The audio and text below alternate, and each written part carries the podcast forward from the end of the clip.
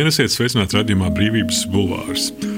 Latvija ir multietniskā, demokrātiska valsts, kuras pēdējie 30 gadi kopš valsts atjaunošanas ietver arī mēģinājumu saprast, kas ir tā nācija, kas mūsu valsti veido, kas ir vēstures neirozes, kas mums ir iekšēji piemītošs kas ir tās, ko mūsu valsts ārējais ienaidnieks veicina. Mūsu radījuma viesis ir uh, uzņēmējs Mārtiņš Vaivars, kurš strādā ar mākslīgā intelekta tehnoloģijām. Uh, savulaik ar draugiem uzsācis jauniešu debašu un kritiskās domāšanas kustību, ko tu domā, un studējis Oksfordas Universitātē filozofiju, politiku un ekonomiku. Sveiks! Sveiks, Gigi! Paldies, ka uzaicināji! Nesen portālā Satori rakstīja, ka Latvijā ir klātesoša zema līmeņa vai etniskā spriedze. Un to var novērot gan saimnes debatēs, gan priekšvēlēšana kampaņās. Pat faktā, ka nozīmīgai daļai Latvijas pilsoņu ir maz tuvu draugi no citām etniskām grupām. Zema līmeņa etniskā spriedze, kas tas īsti būtu un cik lielā mērā nu, tā ir problēma kopumā Latvija nav nemaz tik sliktā vietā, kā reizēm kaut kādās politiskās sarunās varētu likties. Jo pasaulē, protams, ir ļoti daudz vietas, kur ir ļoti daudz vardarbības starp etniskām un starp reliģiskām grupām. Latvijā kopumā tas 30 gadu laikā kopš neatkarības atjaunošanas īstenībā nav noticis. Teikt, ka Latvijā nav etniskās spriedzes, manuprāt, ir pārspīlējums. Tomēr to var just dažāda veida politiskajā retorikā, ko tu dzirdi no dažādiem ekstrēmākiem spēkiem. To var just dažādos mītos, kurus tu vari novērot, tad, kad tu runā ar dažādu Latvijas etnisko grupu pārstāvjiem. Nesen lasīju pētījumu, ka kopumā apmēram ceturdaļai līdz trešdaļai Latvijas pilsoņu, it īpaši latviešu daļā, nav neviena krievu latviešu drauga tuva drauga, ne tikai kolēģa, kuru apspriest dažādus intīmus politiskus jautājumus. Tā kā es teiktu, ka maz līmeņa spriedze noteikti ir. Kādēļ tā ir problēma? Nu, tā ir problēma, jo tas veicina dažāda veida ekstrēmāku politiku. Tas noteikti veicina dažāda veida populismu, kas novada pie lēmumiem, kas Latvijai nav optimāli. Par to mēs varam parunāt sīkāk. Un kopumā nu, es teiktu, ka saliedēta valsts, eh, ko cilvēki kopumā viens otru saprot, spēj darboties kopā, noteikti ir arī drošāka valsts. Šie ir jautājumi, par kuriem mēs runājam vairāk jau kā 30 gadus kopš Latvijas valsts neatkarības atjaunošanās. Un pēdējie divi gadi kopš kara Ukrainā mainīja tomēr būtiski skatu punktu, vai atdzīvināja būtiski šīs neirozes, vai to kāds cits mēģina radīt no ārpus, lai mums šīs neirozes būtu dzīves. Es teiktu, ka tas nav mainījis īpaši to pamatā esošo situāciju, kas ir eh, tās zināmā līmeņa segregācija, kādā dzīvo Latvijas pilsoņi. Tas, kas, domāju, noticis, noteikti, ka vispār Krievijas eh, kara nozieguma Ukrainā ir atklāsuši dažādas vēsturiskās traumas. Tas noteikti ir veicinājis dažāda veida ekstrēmāku, populistisku politiku, kas noteikti ir atdzīvinājis eh, savā līmenī to etnisko spriedzi. Man pašam ir eh, vairāki tuvi eh, draugi, krievi, latvieši, balkrievi, latvieši, un kopumā privātās sarunās viņi atzīst, ka viņi jūtas mazliet apdraudētāk nekā pirms tam. Viņi nedomā, ka Latvija ir ļoti bīstama vieta, kur dzīvot. Mēs tomēr neesam Balkānu valstis, mēs neesam citas sāpīgas vietas pasaulē, bet spriedze viennozīmīgi pieaugusi.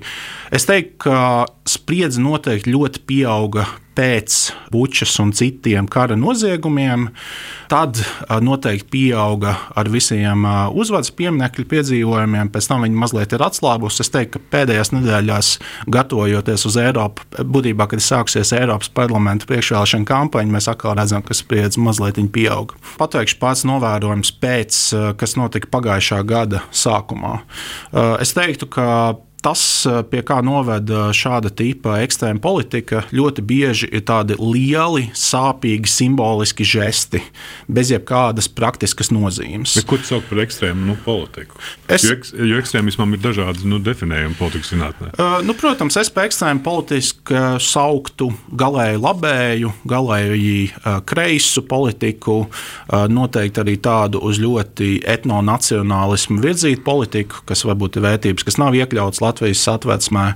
Un tas, kā es to redzēju, kāds izpaudās pagājušā gada sākumā, bija dažādi ļoti asi simboli, vēlmes jaukt pieminekļus, pārsaukt ielas, dažādi saukļi, atkrievisko Latviju kuru varbūt ļoti optimistiskā interpretācijā tu vari teikt, ka tas ir veicināt latviešu valodas izmantojumu sabiedriskajā dzīvē, bet mazliet uh, tāda negatīvāka interpretācija, kas, starp citu, ir izplatīta Krievijas latviešu vidū, ir, ka tas ir uzbrukums viņu uh, etniskajai identitātei, arī kā Latvijas pilsoņiem.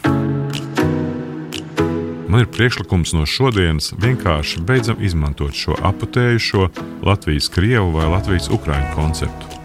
Ja cilvēks ir Latvijas pilsonis, sabiedriskās situācijās ārpus ģimenes sazinās latviešu, ciena Latvijas valsti un demokrātiskās vērtības, saucam viņu par krievu latvieti vai ukrāņu latvieti. Lai cilvēkam, kurš to pats vēlas, ir vieglāk tikt pāri savai identitātes krīzei un kā latvietim izveidot spēcīgāku emocionālo saikni ar Latviju. Daudzas Rietumē Eiropas valstis 20. gadsimta otrajā pusē caur asarām un puņķiem ir nonākušas līdz šādam modernam, atvērtam skatījumam uz savu nāciju, kas ļauj dažādu etnisko grupu cilvēkiem nodemonstrēt savu piederību un pilnvērtīgi pievienoties politiskajai nācijai. Tā Mārtiņš Vaivars. Kā nosaukt cilvēkus, kuri nav latvieši un veido mūsu nāciju, tā arī ir nu, reizē ir lingvistiska un reizē nav lingvistiska problēma. Es piekrītu Jo tā ir tāda identitātes meklēšanas jautājums, kur šīs valodas grūtības arī iezīmē. Man liekas, to pašu nu, problēmu, ka mēs šo grupu nespējam identificēt. Es varu pateikt, no kurienes eh, dzīve tas raksts. Tas eh, raksts dzimis no tā, ka es kādu brīdiņu arī dzīvoju Lielbritānijā, un es kopumā esmu daudz domājis par to, kas ir politiska nācija Lielbritānijā, Vācijā, Francijā un ASV. Un rakstā es pieminēju šīs domas, ka ASV kopumā ir valsts, kur kurā nav šādas etniskās spriedzes problēma gan vispār, un ka viņi izmanto šo te varbūt mūsu ausī mazliet dīvaino konstrukciju itāļu amerikānis vai korejiešu amerikānis vai latviešu amerikānis. Un eh, tā ir tāda spēja, kā cilvēks var pilnībā neatsakoties no savas ģimenes tradīcijām, kļūt par amerikāni un iemiesot šīs amerikāņu vērtības. Man šķiet, ka problēma ar mūsu politiku līdz šim ir bijusi, ka mēs savā ziņā piedāvājam pārāk lielai lielai daļai Latvijas pilsoņu šo neiespējamo morālo izvēli. Mēs sakām, tu vari kļūt par latvieti, ja tu esi gatavs pilnībā atteikties no savas vecmāmiņas un tēta un mammas tradīcijām, kas ir ļoti smaga izvēle jebkuram cilvēkam, es tomēr domāju, ka jābūt iespējai tādai pakāpeniskai iekļuvēji latviskumā. Eh, jādod tāds realistisks ceļš. Es domāju, ka tās ir vērtības, ko lielākā daļa rietumu Eiropas valstu iemieso.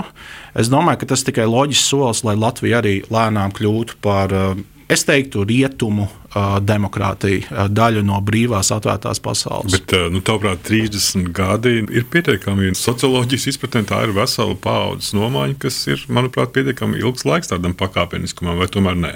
Bet tu domā, ka nav noticis nozīmīgs progress un izmaiņas vērtībās, kas ir dažādām Latvijas pilsoņu, krievu, latviešu grupām.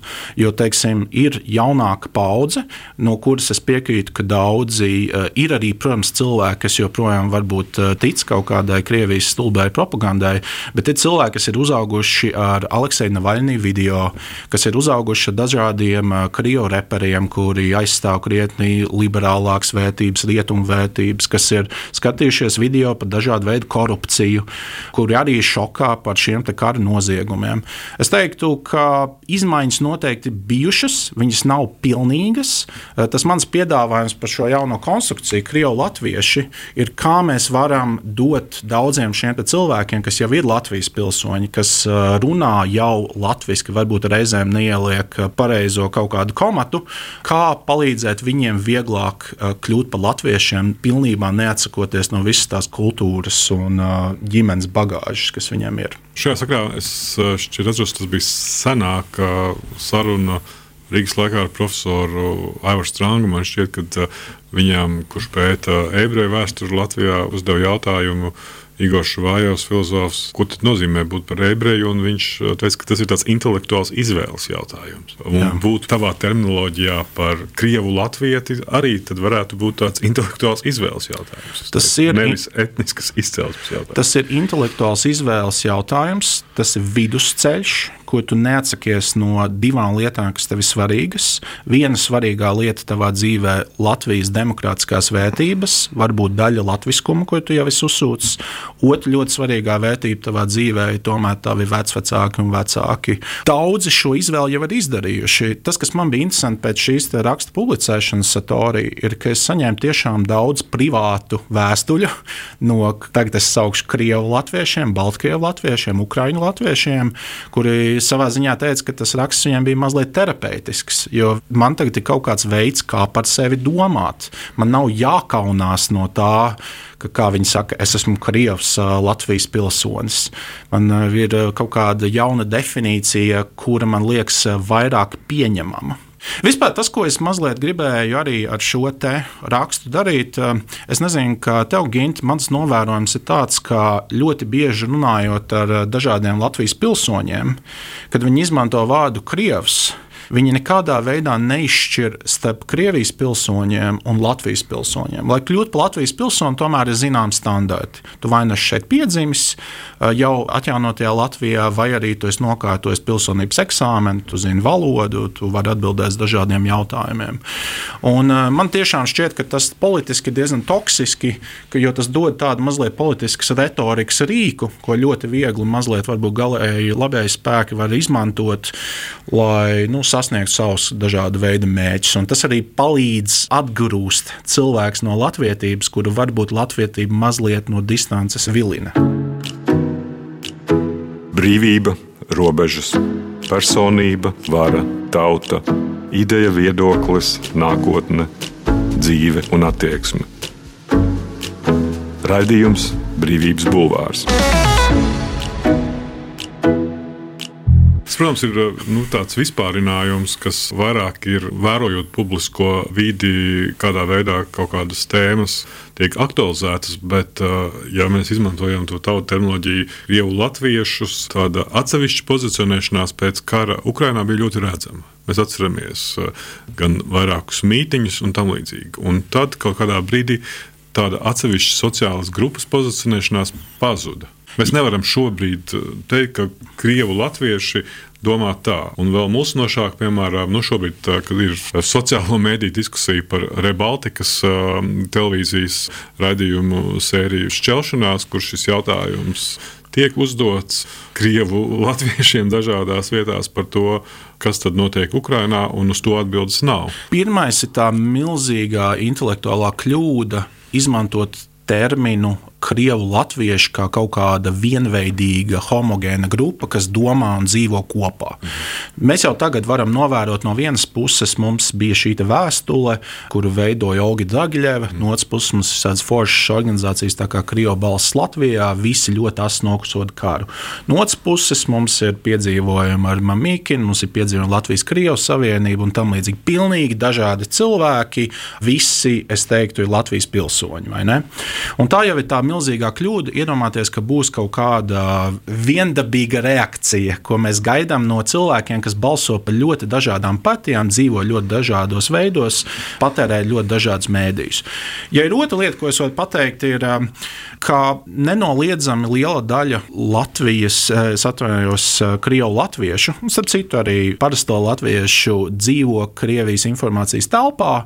Pat ja viņi līdz galam netic visam, ko viņiem saka, viņi uzsūdz zināmas vērtības. Un viena vērtība, ko es ļoti novēroju, ir apolitiskums.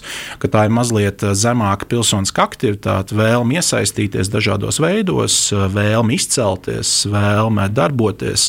Un es domāju, ka Latvijā arī Krievu latviešiem to var eh, ļoti labi novērot, ka pat ja viņi ir ļoti nosodoši pret šo darbību, es domāju, ka tās vērtības nu, paies vēl kādas paudzes, kamēr tās tiešām kļūs vairāk par nu, tādām demokrātiskām reliģiskajām vērtībām. Tur raksta, ka etnisko spriedzi gadiem ilgi ir veicinājusi Krievijas atsaldētā, bet uh, efektīvā propaganda, kuras interesēs ir vājināt uh, vienos Latvijas pilsoniskās nācijas veidošanos.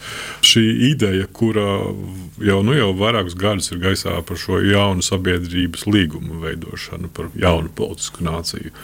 Nu, man, kā man ļoti, simp man jā, ļoti simpatizē šī doma. būtu tavuprāt, nu, veidojama? Kas tas būtu, kādā veidā šāds process būtu nu, inicējams? Jo nu, arī, arī kara kontekstā pastāv tas, ka mums ir jāvienojas par to, kā mēs sevi nu, aizsargājam galvās un tam līdzīgi, kas, kas arī ietver nu, tādu mūsu kopīgu vienošanos par kaut ko. Es neticu tādiem inženierētiem risinājumiem. Es ticu, ka šīs nācija var veidoties pakāpeniski ar tādām kā horizontālām saitēm starp cilvēkiem, kur cilvēki attīsta šos pilsoniskos instinktus, viens otru iepazīst. Es teiktu, ka viena milzīga nu, Latvijas kļūda ir tas, ka mēs tik ilgi esam gaidījuši, lai pārietu uz mācībām visās skolās latviešu valodā. Es agrāk darbojos tādā debašu NVO, kur mēs dažādiem vidusskolēniem un universitātes studentiem mācījām debatas, argumentāciju. Un ir fascinējoši redzēt, cik ļoti atšķirās cilvēki, kas ir nākuši no, no tām saucamām krievu latviešu skolām un no latviešu skolām. Un, ja mēs tikai tagad pārējām uz šo, es domāju, ka šīs kaut kādas kopīgā uzvedība, vērtības, draudzība, horizontālās saites, tāpat paies vēl diezgan ilgs laiks, lai to sasniegtu. Vēl viena, manuprāt, Latvijas politikas kļūda, kas nav ieviesta, šī ir mazliet tāda inženierija, bet mēs esam pārgājuši uz mācībām latviešu valodā, bet tāpat mums dažādos rajonos, skolās būs šī milzīga etniskā segregācija, jo mēs labi zinām, ka kaut vai Rīgā ir rajoni kuros dzīvo daudz vairāk krievu latviešu. Tas nozīmē, ka pat ja viņi mācīsies latviešu, tāpat viņiem neveidosies šīs horizontālās saites ar citu etnisko grupu piedarīgiem. Un tas pats par latviešiem vai Daugopilī. Kā vienu no tādiem vienojošiem aspektiem, tu mini, ka starp Latvijas etniskām grupām nav diži plašu reliģisku atšķirību. Diži plaša reliģiska atšķirība arī nav starp pareizticīgajiem Ukrajinā un Krievijā. Man ir ļoti interesanti. Es ticu, ka Latvijas valsts drošības dienesti šo pētījuši daudz vairāk, bet man ir bijis ļoti interesanti skatīties, kā piemēram Itara Latvija, kas, protams, piederēja Gazpromam, ļoti liels ziedotājs bija dažādām Latvijas reliģiskajām konfesijām. Nu, tādas lietas tas man ir licies interesanti. Es diemžēl nezinu detalizētāk uh, Latvijā par dažādām reliģiskajām grupām, bet nu, es esmu drošs, ka bijis kaut kāds tāds efekts. Tas, kas manuprāt, Krievijai ir ļoti veiksmīgi, nu, Krievijas impērijai iepriekšējā formā, Padomju Savienībai, tas, kas viņiem ir izcili izdevies, ir tādas kā vēsturiskās traumas, pirmkārt, iesaldēšana, fosilizēšana, un otrs puses veiksmīga padarīšana par uh, politisku instrumentu. Es vienmēr esmu mazliet skeptisks, kad es dziedu par to, kā politiķi mēģina manipulēt dažādiem objektīviem, sāpīgiem pagātnes notikumiem. Tas biežāk ir kaut kāds propagandas līdzeklis, bet domāju, ka Latvijā kopumā nu, mēs zinām, ka 90. gados, nu, protams, bija diezgan sāpīgi ap to uzvaras pieminekli, bet nu, tomēr vislielākā vaina noteikti jāuzņemas daļai Nilam Uškovam, kurš ļoti veiksmīgi kopēja šo Putina taktiku, dažādā veidā izmantot šīs te, uh, vēsturiskās traumas, kā politisku līdzekli, kā gan būvēt savu identitāti. Nu, viņam jau gan brauc, cik mēs atceramies, dažādi veidi apmācītāji no Krievijas, kā to darīt. Brauc, brauc, un man ļoti interesē šis jautājums. Negribu nekādas konspirācijas teorijas attīstīt. Man ļoti interesētu, kāda tieši Nila Uškova iesaiste visā šajā. Bet es domāju, kā lai šo labi pasaka visā labā propagandā un labā tādā manipulēšanā, varētu teikt, politiskā retorikā, tas, kas ļoti bieži notiek, ir tu paņem kaut ko objektīvu un patiesu, kas ir patiesa mazā mērogā. Nu, Šajā gadījumā tu paņem kaut ko objektīvu. Tavs vesētiņš vai kāds cits cilvēks vesētiņš cīnījās eh, pret Hitleru otrajā pasaules karā. Protams, mēs zinām, ka bija Molotova-Ribbentrop pakts un tam līdzīgi, bet nu, uz brīdi to ignorējam. Tur ir kaut kas objektīvs tajā, ka tu esi cīnījies pret Hitleru. Un tad šī kaut kāda daļējā patiesība tiek uzpūst uz kaut ko ļoti grandiozu. Tas tiek mēģināts padarīt kā tevi definējošais stāsts, pat ja, piemēram, tavu vecvecāki nepiedalījās šajā cīņā. Tas ir tas, ko, manuprāt, Krievija ļoti veiksmīgi dara. Viņa padara cilvēkus, mēģina būvēt identitāti ap traumu un mēģina padarīt cilvēku jau ceturtajā paudzē par upuriem, skatoties lietām, ar kuriem viņam vairs nav nekādas objektīvas saistības. Un tas ir tas, ko mēs, nu, kā latvieši, mēs negribam, lai cilvēki, kas ir mācījušies mūsu skolā, draudzējušies ar citām etniskajām grupām, mācījušies vēsturi, mēs negribam pieļaut, lai viņiem būtu šī nezinu, no kurienes radušies šī upura sajūta. Lai gan neizgulētas vēsturiskas traumas noteikti ir bijis ražīgs lauciņš politiskajiem uzņēmējiem, taktikas atdevi tomēr līdz šim ir pamatīgi ierobežojis tas, ka šeit dzīvojošas etniskās grupas kultūrāli nav pārāk tālas cita no citas. Piemēram, starp Latvijas pamatetniskajām grupām nav bieži plašu reliģisku atšķirību. Latvija joprojām uz pasaules fona ir bijusi ļoti veiksmīga un miermīlīga valsts. Pa Rīgas ielām klīst neskaitāmi jaunieši, kur uzauguši ar Juriju Duģu un Morgensternu, ar Lauru Reiniku un Zieduviju. Viņu viedokļi tāpēc nav viendabīgi, pat ja viņi vecāki pēc Latvijas aneksijas tīšām vai netīšām bija daļa no Padomju Savienības sistemātiskās rusifikācijas politikas. Jaunajai paudzei ar tā laika procesiem vairs nav nekādas acīm redzamas saistības. Tā portālā Satorija raksta Mārtiņš Vaivars. Savā ziņā Krievijas iebrukums Ukrajinā noteikti uzlaboja dažādu Latvijas eh, galēji labēju ekstrēmu spēku pozīcijas. Viņiem ir tagad jauns eh, savā ziņā politiskās retorikas paņēmiens, kuru maksimāli izmantot. Tas, kas manuprāt ir interesanti, ir tas, ka ļoti bieži izmantojot šāda tipa etnisko spriedzi, tu vari novest pie politikām, kas varbūt valstī nav racionālas, bet šim politiķim ir ļoti, ļoti izdevīgas. Un es domāju, ka to mēs arī Latvijā esam ļoti novērojuši, ka tagad pēdējo pusotru gadu laikā dažādi politiķi ir nu, ļoti mēģinājuši kaut kā sevi pozicionēt, kā izmantojot dažādu ļoti spēcīgu valodu. Visi krievi vienādi. Mēs zinām, ka tā nav patiesība, bet tas ļoti labi strādā kā tāds politisks termins. Latvijā eksistē milzīga Latvijas ienaidnieku grupa. Jā, noteikti ir kaut kāda proporcija, bet vai tā ir milzīga Latvijas daļa? Nē. Kopumā var ļoti veiksmīgi būvēt šos narratīvus. Es teiktu, ka vissliktākais brīdis bija pagājušā gada sākumā, ka vispār bija mazliet tāds kā naida olimpiāda. Tagad tas, kas ir labi, ir mazliet tomēr ir nomierinājušies. Man ir vairāk uzstāsta cita lieta, ka man viens komentārs par pašreizējām Eiropas parlamentu vēlēšanām. Man uh, liela lieta, kas man nepatīk, ir tas, ka kopumā Latvijas galēji labējie spēki, uh, es došu, ka galēji kreisi arī līdz tam tiks, ļoti kopē dažādas taktikas, kuras viņi novērojuši, ka tās ir ļoti labi strādājušas citās lielās valstīs, tā kā ASV, tā kā Polija. Un, uh, tur viena taktika, kas ir izcili uh, strādājuši, ir kaut kādā veidā publiski apšaubīt valstī kritiskas institūcijas, tā kā uh, sabiedriskie mēdīji, tiesu vara, armija.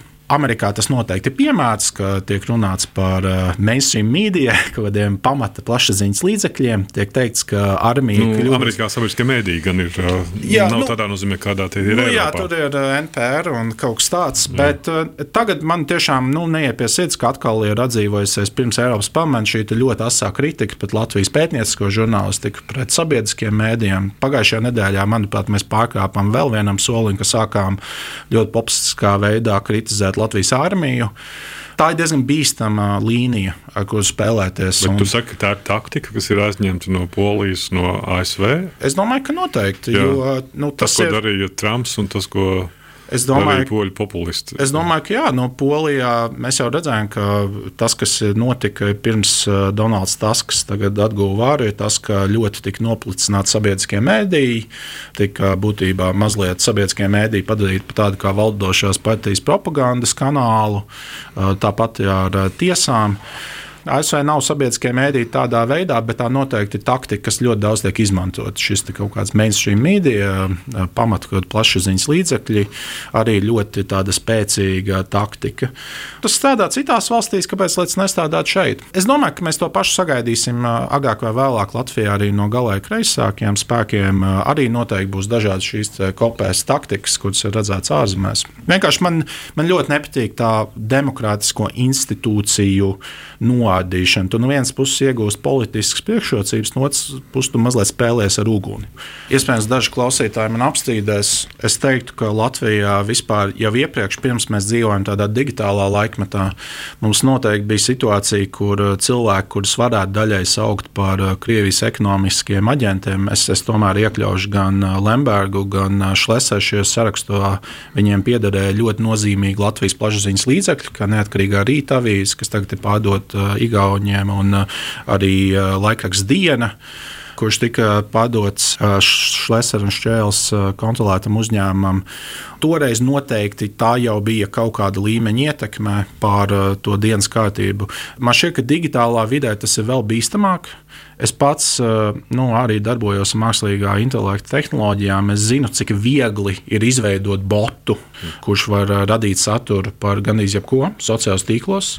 Un, eh, ja tev ir gan liela resursa, tad diezgan viegli var šādu tipu kampaņas veidot. Bet pagaidām, piemēram, mums tam vēl īsti nav. Nu, mūsu politiskās kultūras vēsturē pēdējā. Kas ir vāja sabiedrība? Vāja sabiedrība ir uh, sabiedrība, kas ir ļoti polarizēta, kur ir ļoti ekstrēmi viedokļi. Cilvēki viens ar otru nerunā, cilvēki viens otru ienīst, viņi viens otru nesaprot. Vāja sabiedrība ir tāda, kurās ir ļoti noplicināts dažādas sabiedrībai svarīgas institūcijas. Vai mums ir dažāds TikTok, Twitter, citu? citu kanālu saturs, kas gan ļoti polarizējošs, ekstrēms, gan arī dažādas valstī svarīgas institūcijas noniecinošas. Protams, ka mums ir mums ļoti daudz, un ir ļoti grūti saprast, kas no tā ir tā autentiskā daļa un kas ir šī te, varbūt eh, sistemātiski amplificētā, paplašinātā daļa. Eh, tas, ko manuprāt, Krievijas propaganda ļoti bieži dara, ir, ka viņi sagaida kādus diezgan organiskus notikumus, kas mazliet šķēļ sabiedrību. Teiksim, ASV. Nu, Hausa eksports jau bija viņu eksporta preci oficiāli atzīta. Jā, viņi sagaida kaut kādu organisku notikumu, par ko teiksim, latvieši būtu dusmīgi, vai ASV tas būtu tas, ka bija tā Džordža Sloida slepkavība, kur policists viņu nogalināja. Tad viņi ļoti iesaistās, lai šīs dusmas uzgriezt uz 200 dažādos veidos. Nu, mēs runājam par mēdīju pratību, bet kā šāda mākslīgā intelekta radīta politisko vēstījumu līmenī ir iespējams vispār izkot kaut kāda veida nu, mēdīju pratību, lai to atšķirtu. Es agrāk Latvijā uzsāku tādu NVO, ko tu domā, kur visa doma bija jauniešiem attīstīt šīs kritiskās domāšanas, mēdīju pratības prasmes. Un es agrāk biju diezgan optimistisks par šo tēmu. Tas ir iespējams. Ja man, es biju ļoti optimistisks par šo tēmu. Tagad es sapratu, ka šīs prasmes var izkot. Viņas var izkot ne tik lielai cilvēku grupai, mazliet. Kā ļoti sākās tas pesimisms? Tas pesimisms sākās no tā, ka mediju pratības sastāv no tik daudziem faktoriem. Viņiem tev jādomā par to, kuram pieder kurš mēdījis, kādas ir tehnoloģiskas iespējas radot kaut kādu saturu, kas ir kaut kādi veidi, kā es varu pārliecināties, kas ir informācija. Kā es varu saprast, kuri ir tie uzticamie, teiksim, nezinu, The Economist, Financial Times, eh, LSMLV un kas ir neusticamie.